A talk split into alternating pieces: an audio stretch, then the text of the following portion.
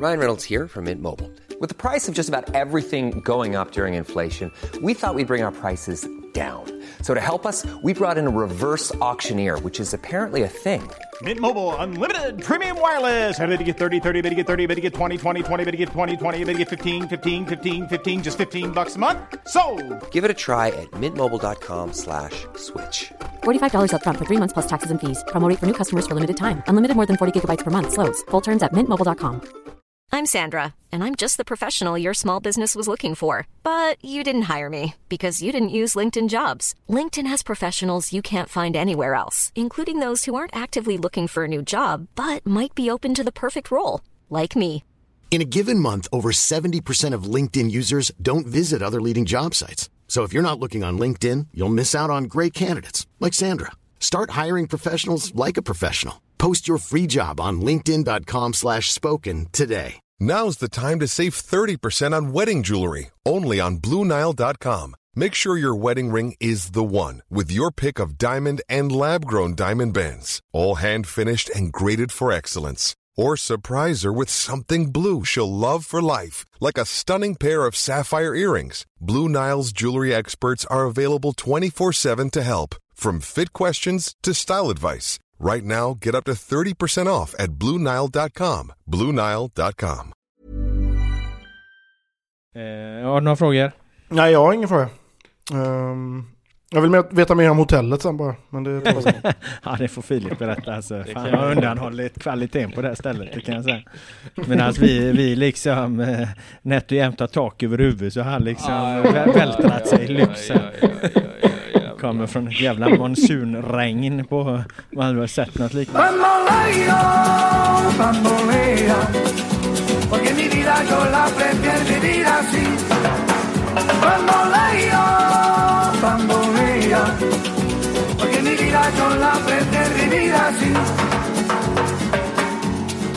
Hola Marbella. Hej och välkomna till Håla Marbella, GPs specialpodd som följer de allsvenska västlagens träningsläger, BK Häcken här och dam, IFK Göteborg samt IF Elfsborg. Idag är det jag, Robert Laul, som leder avsnittet och jag har båda mina vapendragare med mig. Filip Troler i Torrevieja, hack i häl på Blåvitt, Joel Besseling på Alva- Algarvekusten som följer Elfsborg och jag själv då som har lämnat Häcken i Marbella för att också följa IFK Göteborgs sista dagar på deras läger. Och det kan jag säga att jag vände mig inte om! För jävlar vad det regnade i Marbella. Har ni sett eh, filmerna och följt rapporterna från monsunen som har slagit ner där? Ja det har vi inte kunnat missa när du, eh, du har kört på där och jag har faktiskt tyckt lite synd om dig men å andra sidan så såg jag några solstolsbilder från dig också någon dag tidigare så då tänkte jag ah, Laul han kan få lite monsunregn på detta nu faktiskt. Ja, alltså jag klarar väl mig, eh, det, det, det, det ska väl sägas, men det är ju lite trist för eh, Häcken såklart. Eh, både herr och dam fick sina eh, matcher inställda igår i förhållande till när vi spelar in detta. Idag kunde Häcken inte ens träna, så de fick hålla till i, i gymmet, Häcken här då. Eh, extra olyckligt var det ju för damerna, de, de eh, har ju åkt hem, eh, åkte ju hem idag, så hela deras sista match försvann ju. De fick ju ingen chans att rädda det. Häcken har ju en match kvar, eh, Häcken här då, så att det, som, som de förhoppningsvis ska kunna spela på, på fredag då, så de, de, de kan rädda upp det lite grann. Men det är klart att det, det, det där väd, ovädret, extremt oväntade ovädret kom ju eh, väldigt eh, olägligt. Har du någonting som kan eh, eh, toppa det på din sida av Iberiska halvön, Joel? Nej, absolut inte. Det har varit eh, otroligt fint väder här sedan jag kom för en eh, vecka sedan. Det skulle bli regn här också, men eh, det, har, eh, det har regnat lite i natt, men annars har det varit lugnt. Eh, så att eh, Elfsborg har varit lediga idag också, så att jag har haft det ganska gött faktiskt. Solsemester nu eller? Ja, det känns lite så för Joel. Han, han Ja. klagade ju redan förra avsnittet vi spelade in här på att det inte hände så jävla mycket och att, och att vi två vi hade ett ständigt inflöde av elände och jämna plågor med, medan han till och med brände sig i sin solstol där. Så att det verkar ju fortsätta så. Ja det verkar ju så, eh, ledig helt, ja Elfsborg har ledigt och Besseling ja, tar ledigt. det Ja, Det har hänt saker på planen, men det kan jag återkomma till. Så att eh, det har inte varit lugnt eh, de senaste dagarna, det ska jag säga.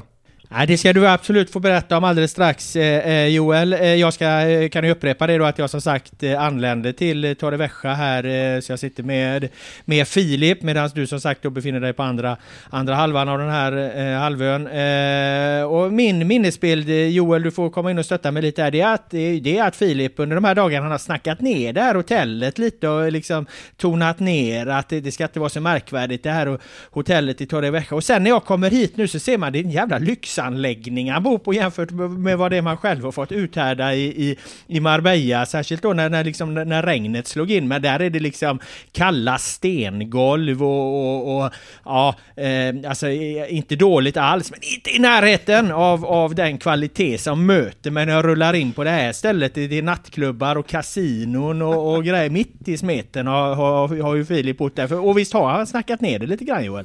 Ja, det har inte nått mig så mycket faktiskt. Eh, det är kanske er privata kommunikation, men jag hörde någonting om att restaurangen var mm, svag.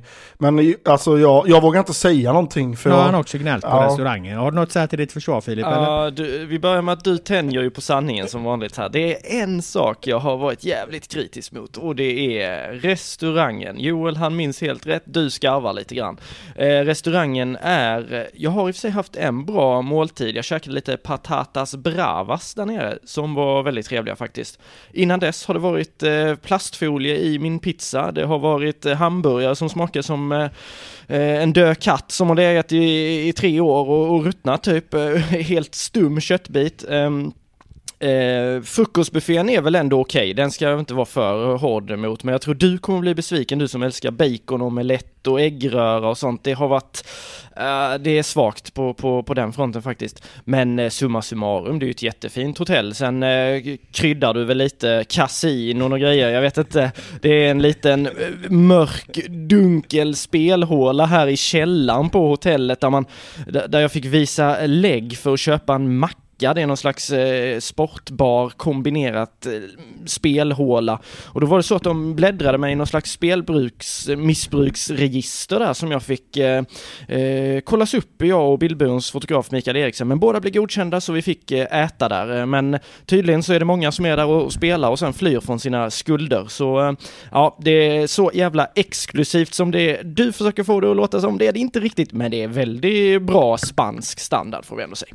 Ja, eh, maten har jag faktiskt också lite problem med i Marbella där, eh, för att eh, när det började regna så regnade det så jävla mycket så att restaurangerna blev översvämmade. Så jag var på väg och skulle få mig en, en äta på en fin indisk restaurang som jag hade spanat in här igår. Men, men som sagt då hade liksom köket svämmat över så att då fick de skicka mig tvärs över gatan där, där, där det låg en, en pizzeria då så det blev en pepperoni-pizza istället. Så att jag menar det, det är ett, ett, ett, ett hårt jobb där ibland men eh, det, man måste ju hantera det också.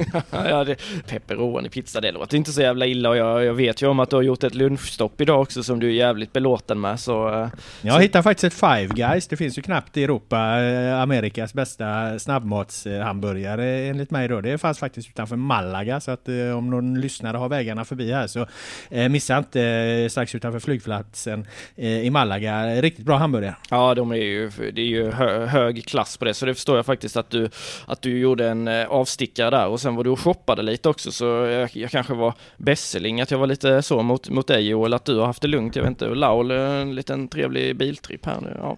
Har du fått någon frukost än Joel eller är det fortfarande eh, stängt i ditt kök?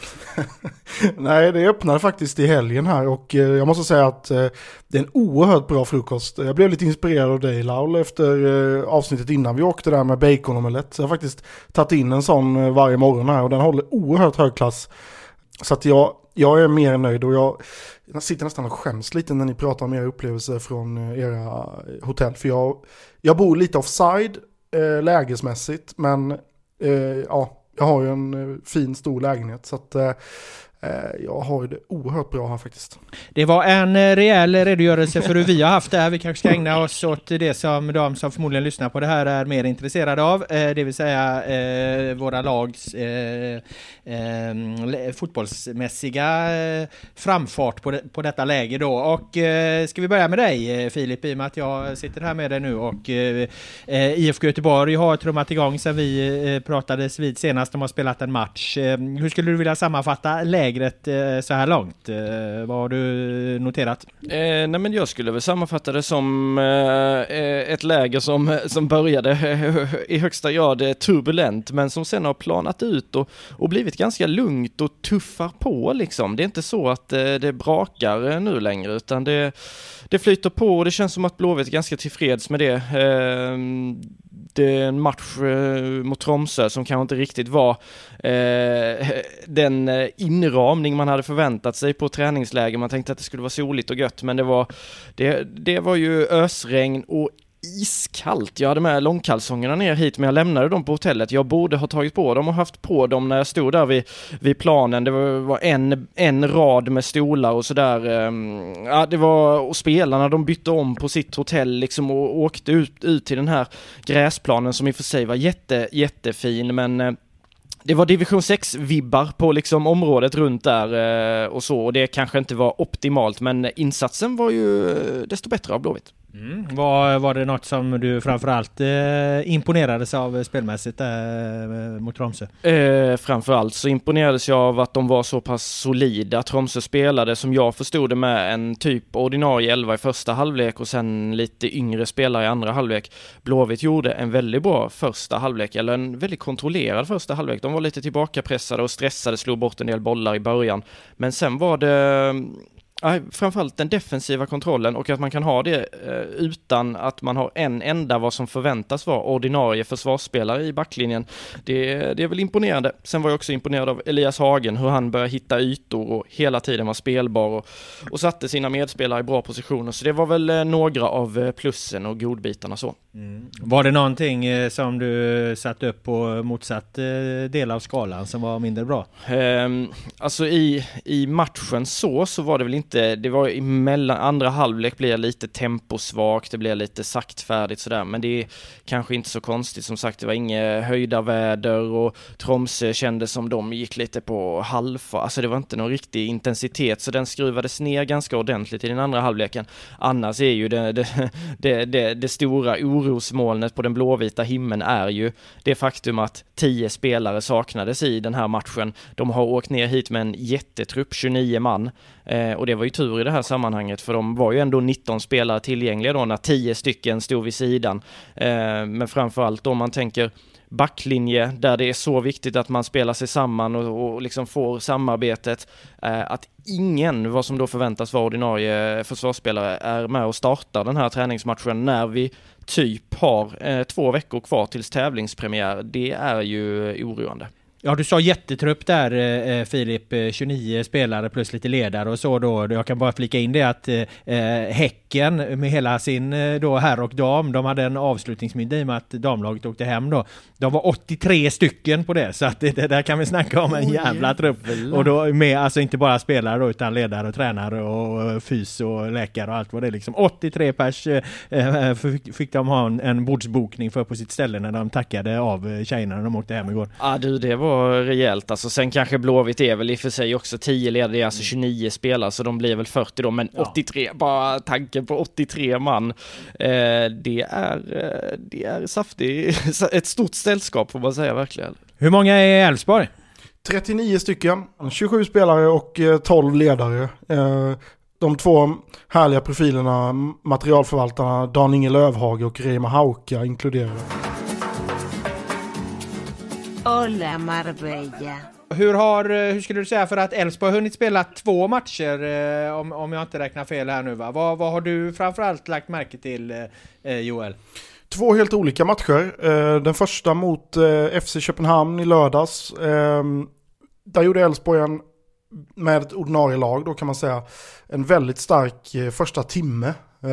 Där liksom Elfsborgs nya pressspel satt ganska bra, de fick bett liksom i FCK um, ehm, som tvingades slå ganska långt och sådär. Um, sen blixtrade FCK till vissa perioder där de visar ganska hög eh, liksom skandinavisk uh, klass. Uh, så det blev ju 4-1 till slut. Men det var liksom efter att alla byten gjordes i runt 65 minuten som uh, som det hände. Så att det får man väl ta lite med en nypa salt. 2-1 till FCK hade väl varit mer liksom rättvist. Ehm, Resultat eh, från den matchen. Eh, sen eh, var det då mot Lyngby i tisdags här. Eh, där de vinner till slut med 4-3 och med en liksom reservbetonad eh, startelva. Eh, och eh, det såg väl inte sådär jättebra ut eh, ganska långa perioder av matchen. Eh, Lyngby var inget kanonmotstånd direkt. Eh, och det, det fanns liksom eh, de här nya spelarna som kom in då, de har inte spelat så mycket ihop och så, så man kan väl ha lite förståelse för det, men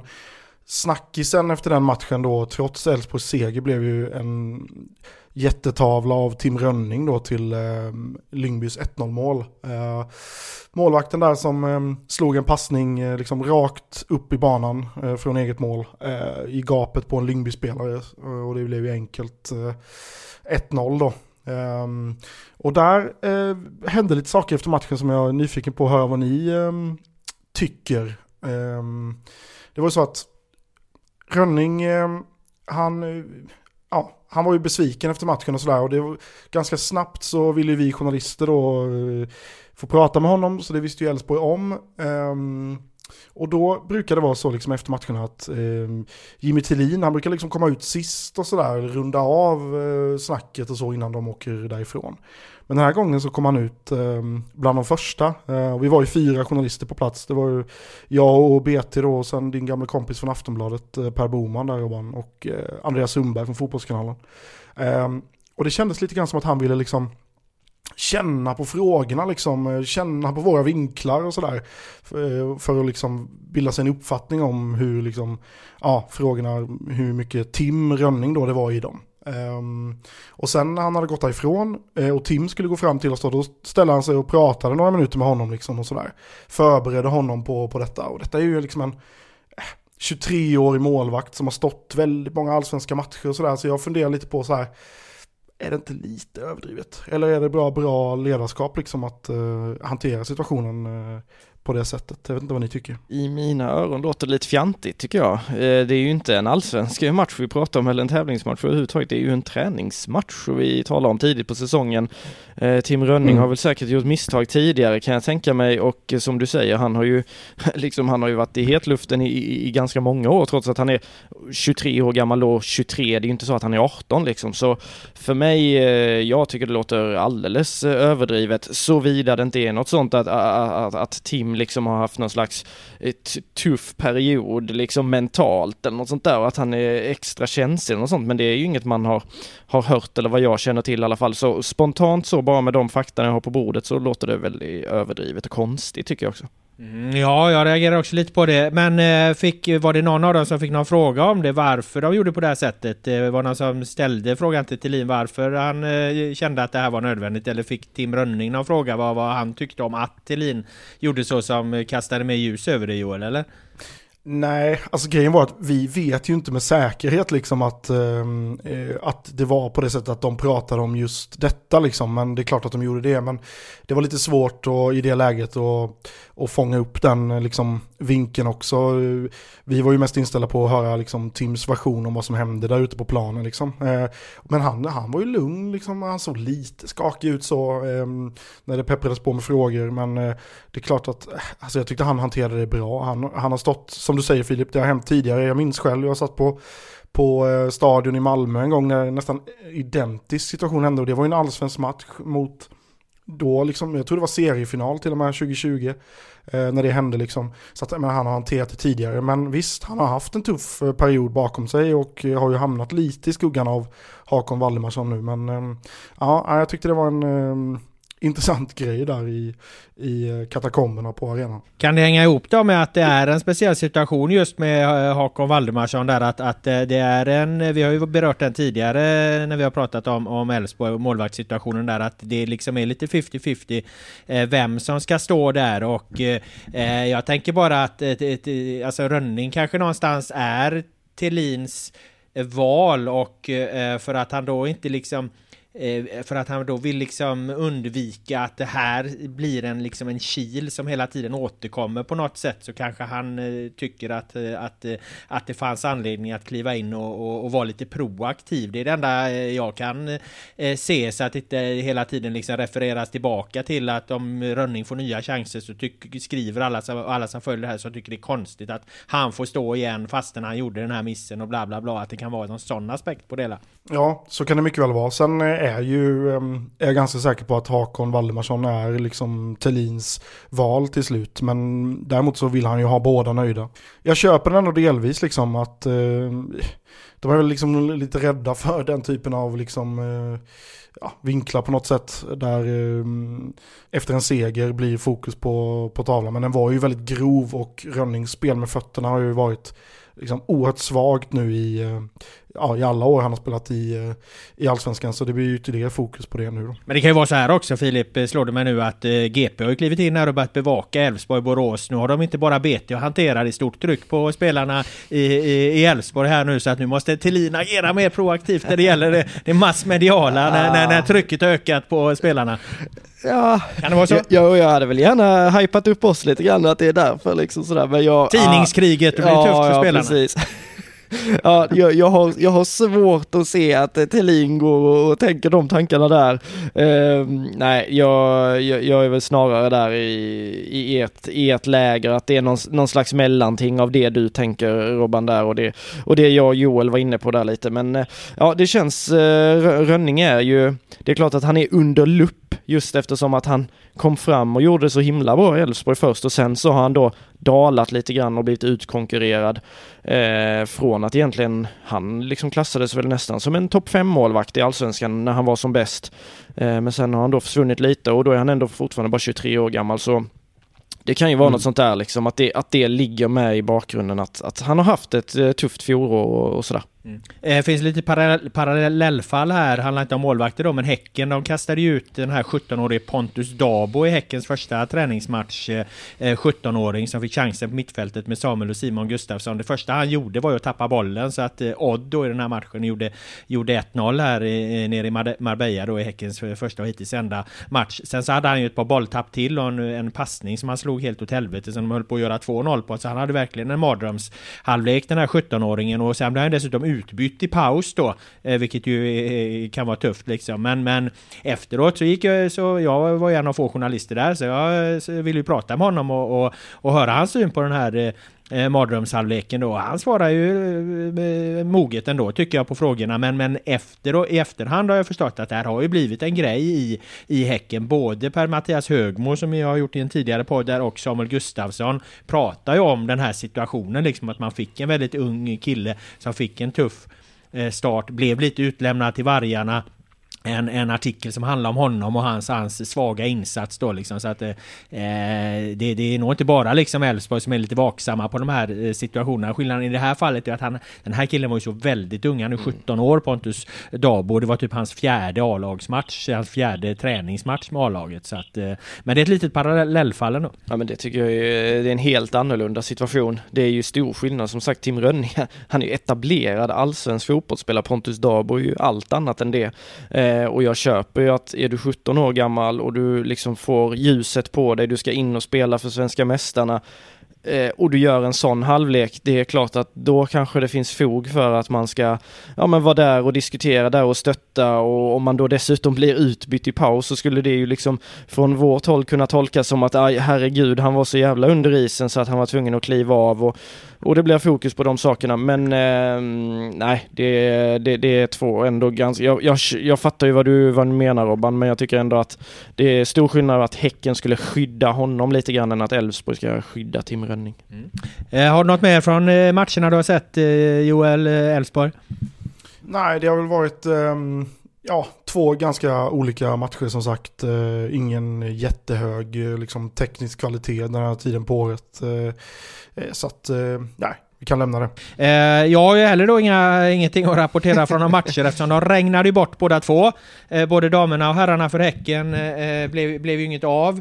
Eh, det jag kan konstatera då om vi, om vi tar lite kort om, om, om dam då, de förlorade ju sin första match med 3-1 eh, mot Vålerenga. De gör ju lite tvärtom i år eh, jämfört med hur de gick in i förra säsongen. Då var det, då var det ett väldigt öppet synsätt från tränare Robert Wilhelm. Han ville testa väldigt många olika spelare, han ville ha väldigt många olika alternativ. Eh, det fick de ju sen checka upp lite när tävlingssäsongen började, för de hade inte jobbat så mycket med relationer och så här, så att de var ganska osamspelta och de, det blev mycket ändringar i startelvan och så här. Nu, har de ju, nu gör de ju lite tvärtom, eh, BK Häcken då, att de, de, de har satt en startelva som de verkar gnugga väldigt, eh, väldigt tajt. Eh, och utifrån det perspektivet var det väldigt olyckligt att de fick en en match som försvann, för nu sticker ju många, väldigt många, jag tror det är 11 stycken totalt spelare iväg på Eh, riktigt så många hela lite, men det är ju ett gäng, det är ju tre stycken till, till Sverige bland annat och sen, sen ett, ett gäng till andra landslag. Sticker iväg på, på landslagsläger och så. Sen så drar ju kuppen igång för dem, så de har inte så mycket tid att jobba med de här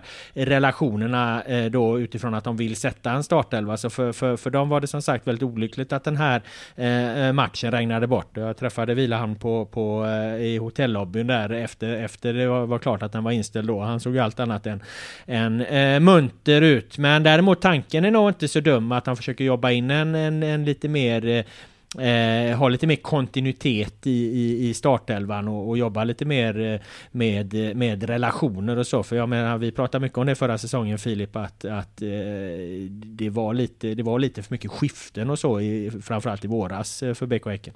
Ja, absolut. Så jag tycker de har, de väljer nog rätt väg där. Det, det är ju ofta så, man, eh, man kan ju bara titta nu eh, när det är mitt uppe så i Premier League, Arsenal som helt plötsligt har fått lite liv, mitt gäng eh, de spelar ju med samma elva vecka ut och vecka in. Nu åkte de i och för sig på däng mot Everton, men man ser ju där hur de, hur de sitter ihop verkligen. Och det var det jag var inne på lite med Blåvitt där tidigare också, att absolut, de gjorde det bra mot Tromsö och sådär, men att bygga någon kontinuitet, det har inte de hunnit göra än så länge, inte med tanke på liksom det laget de egentligen vill ha på banan.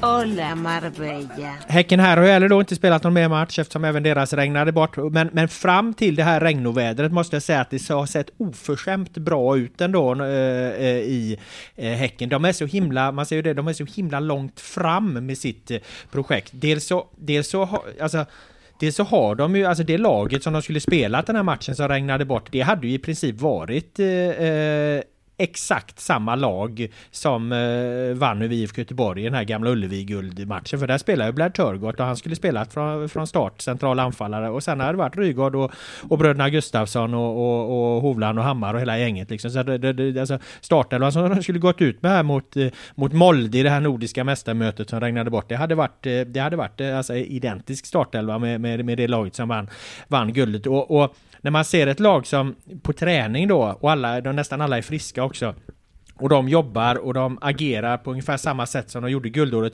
Fast de har adderat nu det här lilla att de ska vara lite bättre i sin, i sin tidiga återerövringspress. Så man ser hur, hur väldigt konsekvent de, de jobbar med just den, den detaljen, att de vinner bollen högt.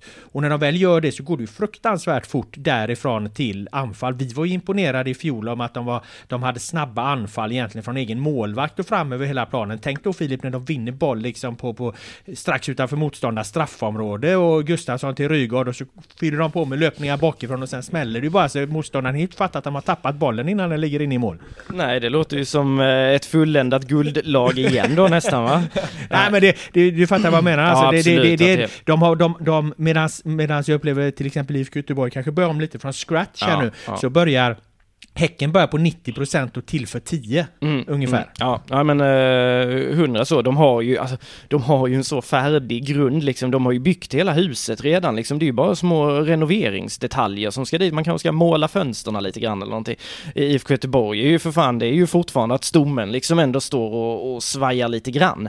Eh, sen tycker jag ju, eh, om man återigen då faller in lite på Blåvitt-matchen, att det Micke Stare och Blåvitt vill göra, man såg ju ändå tendenser av det. De är ju lite vassa vassare i den här, eh, deras då höga återerövring och intensiteten var lite mer där. Jag tyckte ofta att de blev saktfärdiga och avvaktande i fjol i, i sitt defensiva spel. Eh, eller i sitt försvarsspel generellt. Nu var de mer påkopplade och det gick också snabbare för dem att komma till målchans när de väl tog sig upp. Men helt klart är det ju så att Häcken, herregud, eh, visst nu har Jeremejeff försvunnit och sådär, men som du sa, han var ju inte, han var inte, det var ju Blair Turgott som, som, som startade där i, i guldmatchen och, och den elvan var ju ganska skaplig då. Mm. Eh, nu har ju Häcken som sagt ytterligare en match eh, kvar på det här lägret eftersom de ska spela tre matcher. Eh, vi behöver inte fördjupa oss så mycket i den, den spelas ju på eh, fredag då. Eh, vi kan eh, hänga kvar lite vid IFK Göteborg där eh, eh, Filip då eh, med tanke på att, att det i just Häcken så är det ju väldigt mycket som ser bra ut. Det är egentligen inte så mycket som, som,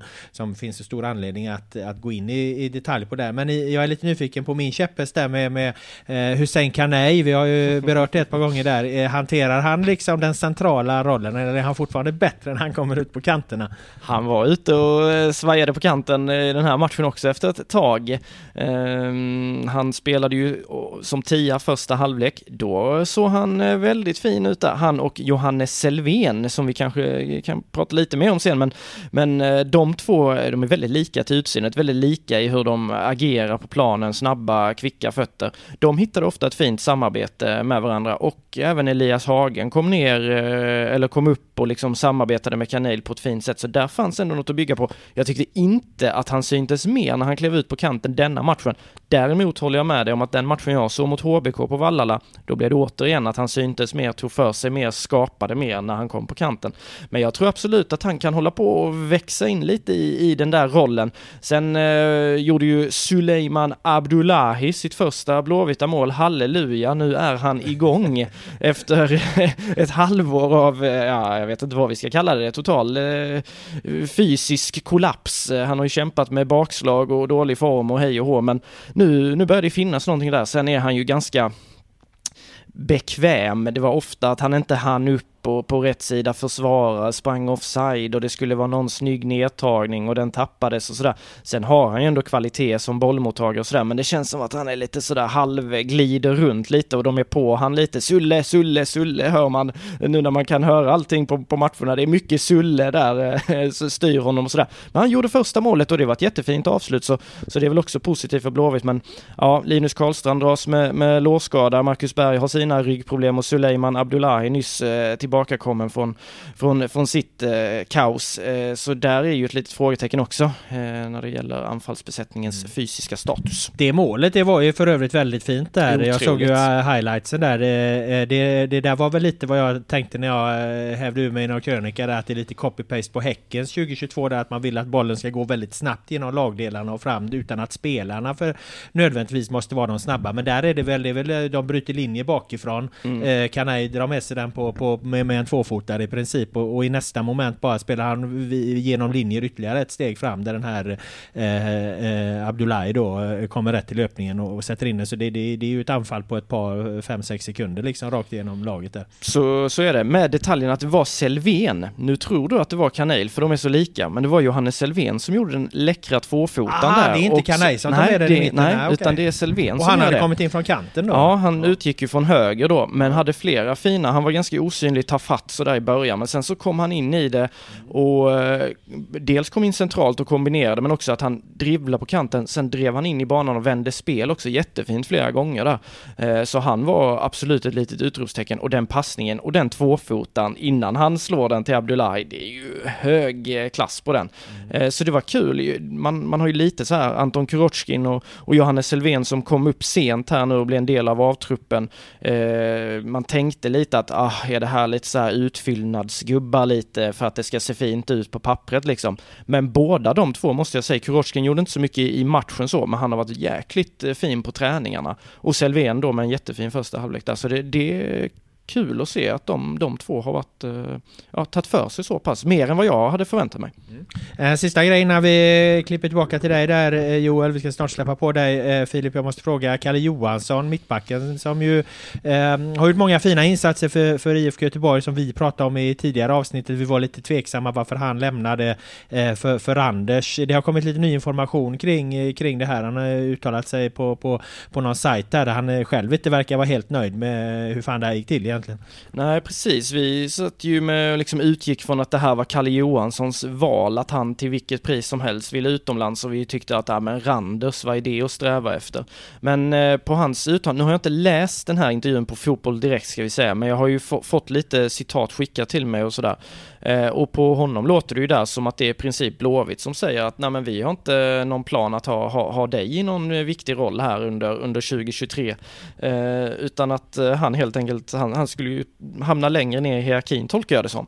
Eh, och han var ju eh, inte alls särskilt belåten och sen säger han ju inte att han inte ville till Randers och sådär. Men jag tror ett lån till Randers efter att ha fått att, ja men du ingår inte riktigt i planerna. Eh, ja okej. Okay. Men det vänder ju verkligen på den här frågan för jag har ju trott att Blåvitt har varit jättetillfreds med Kalle Johansson. Han var ju, sett till försvarsspel, så var han ju deras bästa spelare eh, förra året tycker jag.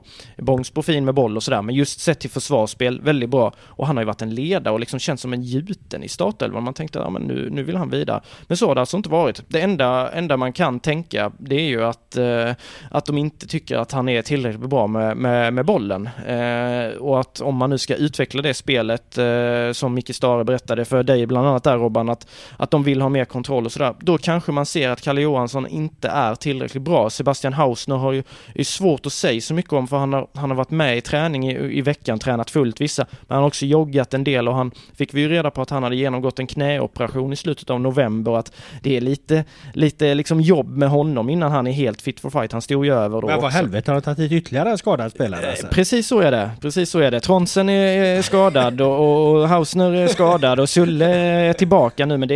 Ja, ja de har slutat att läkarundersöka eh, gubbarna de värvar eller vad fan är det frågan? Nej, men det, det, är naturligtvis att de har haft, haft koll på detta och då, men det är ändå lite anmärkningsvärt att det är, jag såg det var någon som skämtsamt skrev också på Twitter så här, vad fan gör de på Kamratgården eller i Blåvittläget? Gör de, kör de UFC, UFC med varandra och bara tacklar ner varandra? Fan, eh, gubbe efter gubbe som det dyker upp eh, skador på. Men Hausner han är alltså opererad där, ett mindre ingrepp sa eh, Kalle Persson, eh, fysion där i, i, eh, i Blåvitt.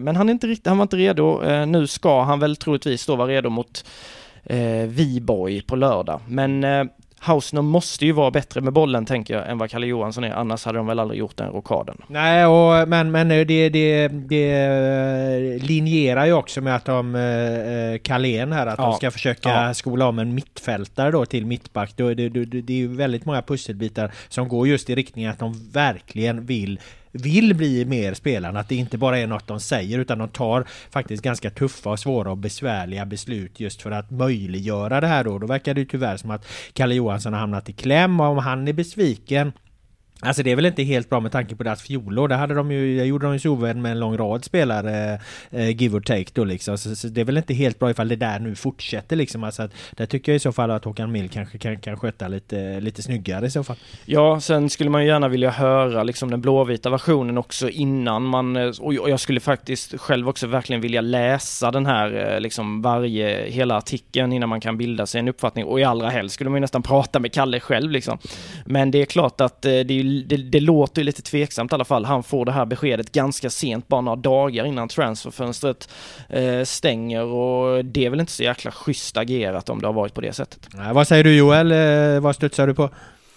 Jag, jag studsar väl på att, eh, framförallt skadorna studsar jag på, att det är eh, eh jag har rätt, eh, min erfarenhet säger att eh, spelare som är skadade den här tiden på året. Det kan få ganska stora konsekvenser för en hel säsong. Om man inte kommer in i rytmen i tävlingssäsongen när kuppen börjar och, och sådär. Det har jag sett flera exempel på i, ehm, i Elfsborg de senaste åren. Ja, det var det jag var inne lite på, på Häcken där med, med Joel, att de, de har liksom jobbat med eh, i, i princip eh, ordinarie eh, trupp. Visst, några långtidsskador och så har, har, man väl alltid, men, men de har kunnat eh, under det här lägret eh, kunnat jobba väldigt, väldigt mycket med sina relationer och, och, och, och, att förfina dem och så just, just för att de har en bra skadesituation. Hur skulle du säga att situationen är eh, i Elfsborg i det perspektivet?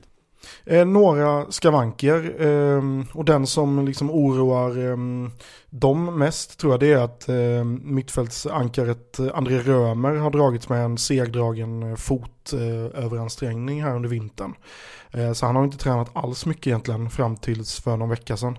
Eh, nu spelade han ehm, 60 minuter eh, mot Lyngby och såg helt okej okay ut. Eh, men eh, det återstår att se lite grann vad, de, eh, vad som händer med honom. Annars är det lite, ja, Victor Videll, en högerback som aldrig har spelat ens för klubben för han har dubbla korsbandsskador liksom. Och sen Ahmed Kassem har varit ehm, småskadad och sådär också. Annars är det, annars är det ganska lugnt eh, för Elfsborg eh, på den fronten. Mm. Hur långt fram tycker du att Elfsborg är då utifrån de diskussionerna vi har haft kring eh, Häcken och, och, och IFK Göteborg här nu då? Eh, hur, hur, långt fram bedömer du att de är? Är de liksom...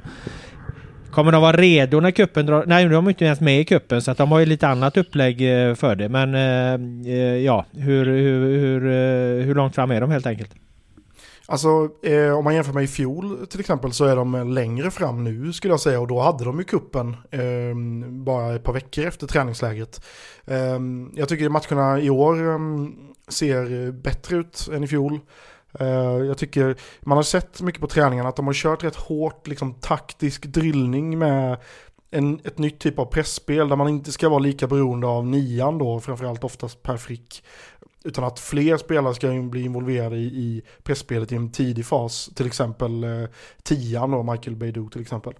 Um, och det såg ju riktigt bra ut mot, eh, mot FC Köpenhamn. Um, Sen är det ju svårt, just med tanke på den här Lyngby-matchen då, där många, där många reserver spelar. Men eh, jag skulle säga att eh, det, som, det som har saknats eh, är ju någon form av kreativitet liksom, i, i avslutsfasen eh, i de här matcherna. Det har varit eh, ett straffmål och ett frisparksmål eh, och ett par spelmål bara då. Eh, så att, eh, men det brukar ju vara liksom, den här tiden på året så brukar det väl inte alltid sitta ehm, hundra. Eh, men eh, jag tycker att eh, flera av de äldre spelarna ser, liksom, ibland, ofta kan jag tycka på försäsongen så är det, det är liksom ungdomarnas tid har jag sagt någon gång. Att det är oftast de yngre spelarna som ser bäst ut på försäsongen. Men här tycker jag att både liksom Sebastian Holmén, Johan Larsson, Niklas Hult och till viss del även Per Frick har sett ganska bra ut för att vara så här tidigt på året. Tolka det då? Ja, det är en, det är en berättigad fråga. Nej, det kanske inte är det. Eh, nu har ju Jakob Ondrejka då till exempel som var väldigt bra i fjol på försäsongen och eh, i kuppen. Han eh, fick ju nackspärr här innan FCK-matchen efter att ha suttit i en solstol. Ehm, så att han var ju inte med mot FCK och spelade 60 mot Lyngby här. Var det du som hade fått nackspärr av att sitta i solstolen eller vad sa du? Nej, det var Jakob Ondrejka som har fått det. Ah, okej, okay, okej, okay, Ondrejka. Det var nära för mig också. Hola Marbella. Vad återstår av eh, Elfsborgs läger och eh, vad, vad hoppas du att få se mer av eh, sista tiden här nu?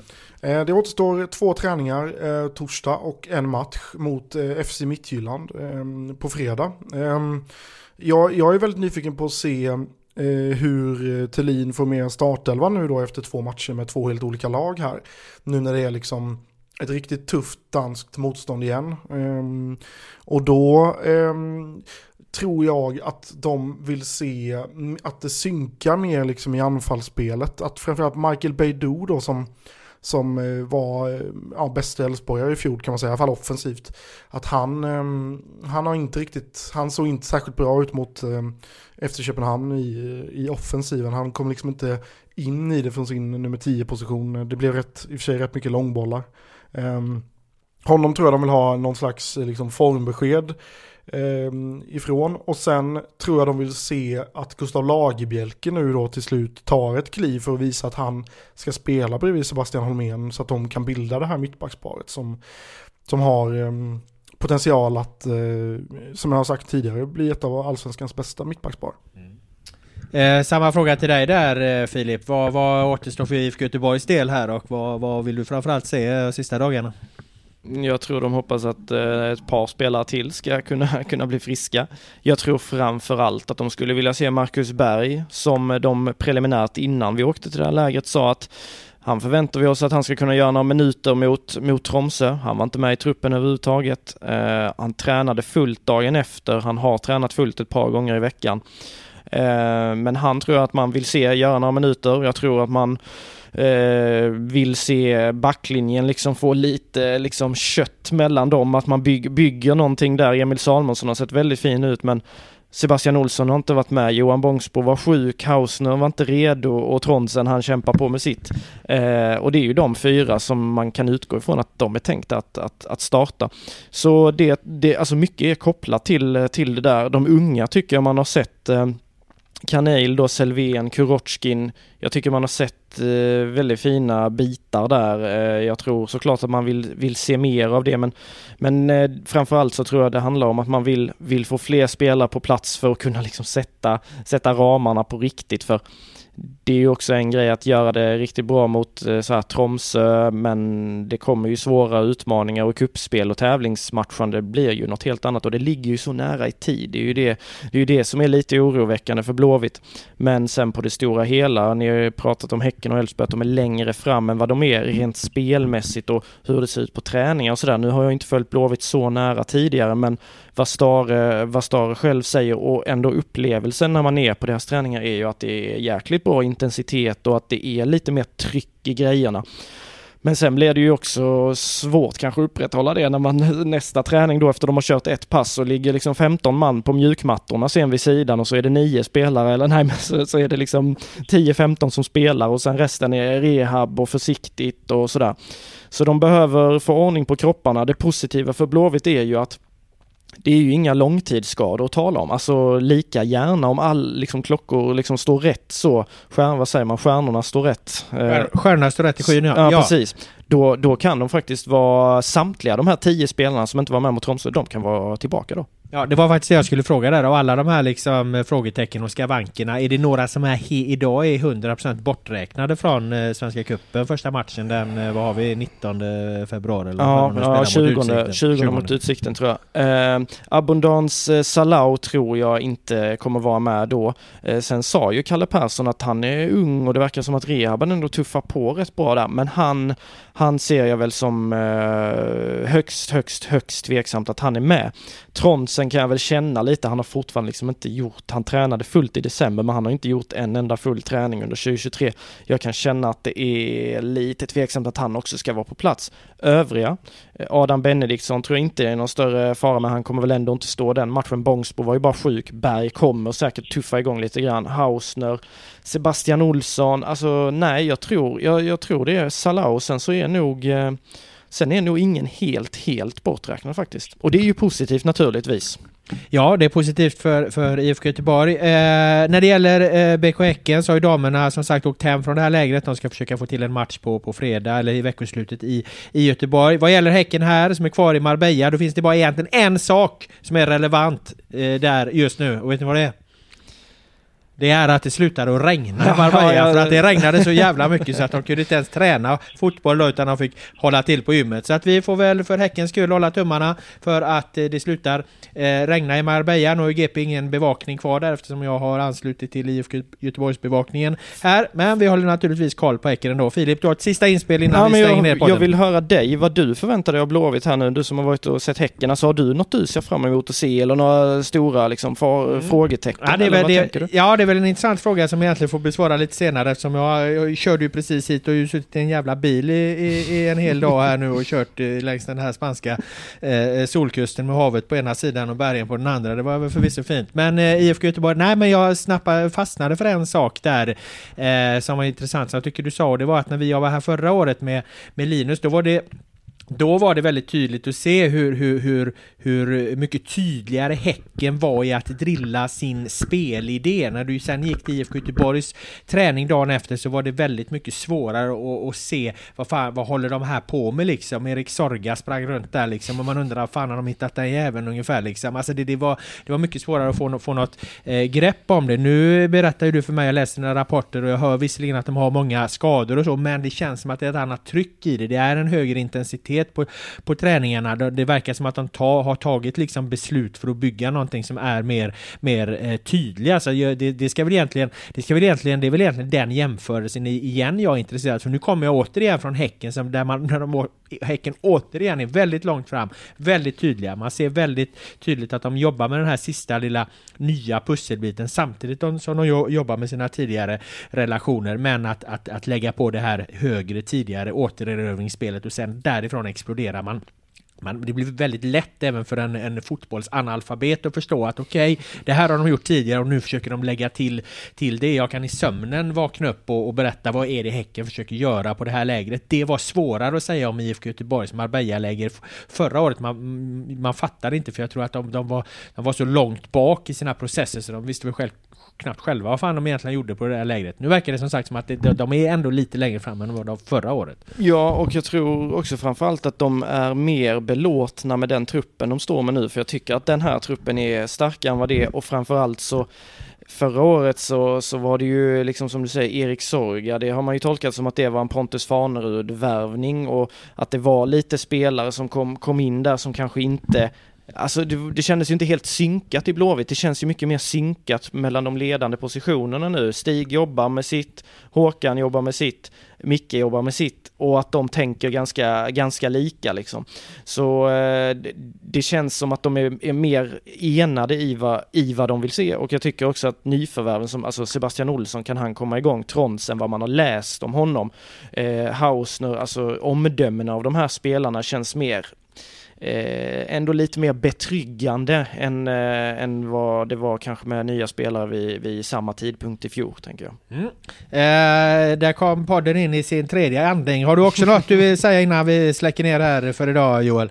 Ja, jag måste säga att jag är nyfiken på en sak. Ehm, jag skrämde ju ehm, fullkomligt slag på er, framförallt dig Robban, här innan eh, resan, att det var kallt i Alicante-trakten. Ehm, hur, hur lyder omdömet? Uh, det är ju klart bättre väder här än vad det var i Marbella de sista dagarna. Det, det ska ju gudarna veta. Jag uh, stannade ju till och med och drack uh, kaffe här uh, mot slutet och, och, fick lite sol. Så att vädret var helt okej. Okay. Den frågan skulle du ställa till Filip egentligen. Men, men jag tycker det har känts helt okej okay här. Är det gött eller? För det var kallt på kvällarna sa du? Man.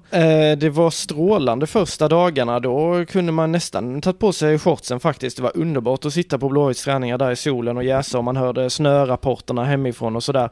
Eh, men de här sista dagarna har det ju inte varit så nice här heller. I, som sagt i måndags var ju, det var ju hemskt. Jag fick ju lägga mig i badet när jag kom tillbaka till hotellet för att Han har till och med badkar på sitt rum vet du. Jag säger det, det är ett jävla lyxvit han bor Ja, alltså det, det, jag har sett att du också har legat och jäst i någon jävla badkar. Har du sett det? Nej, inte intern, intern kommunikation med någon gammal eh, Aftonbladet medarbetare har jag sett där att här skulle du hoppa in och badkar. Det är Mikael Wagner hänger vi där. Wagner kan man inte lita på. Nej, han läcker vidare alltså. det. Han läcker som ett såll den jäveln. Vi bor ju med fienden här på det här hotellet. Både Vulkan och, och Wagner har ju lämnat ja, Wagner har vi skickat ner till regnet i Marbella nu. så att, eh, han, men, äh, men nej, så vädret har dassat till sig lite. Men det kommer nog bli lite bättre här inom kort. Har jag, det hoppas jag på i alla fall. Ja, eh, Joel, du kan vara lugn. Jag har packat ner eh, långkalsongerna. Jag har inte fått använda dem än, men eh, behövs de så finns de, så du kan vara lugn. Oerhört betryggande. Bra, då tackar jag er eh, för, att, eh, eh, för era kloka inspel och synpunkter i det här avsnittet av Håla Marbella som ju är tillbaka med ett nytt avsnitt från den spanska solkusten snart igen. Tack för att ni lyssnade. Ha det bra så länge.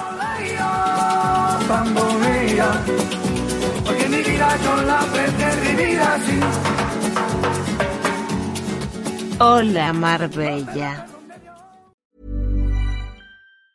Need to stock up on any weather wardrobe staples? Check out American Giant for hoodies, jackets, sweats, and more pieces you can wear anywhere. All made right here in the USA. Go to American Giant.com and use code ANYSTYLE24 for 20% off your order.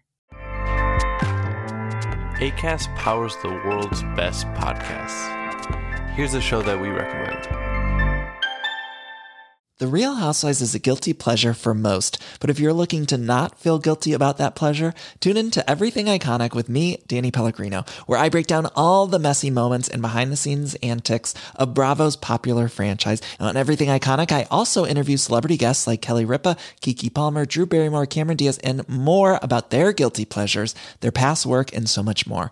So if you're pop culture obsessed and find yourself watching way too much reality TV like me, tune in to Everything Iconic with Danny Pellegrino wherever you listen to podcasts. ACAST helps creators launch, grow, and monetize their podcasts everywhere. ACAST.com.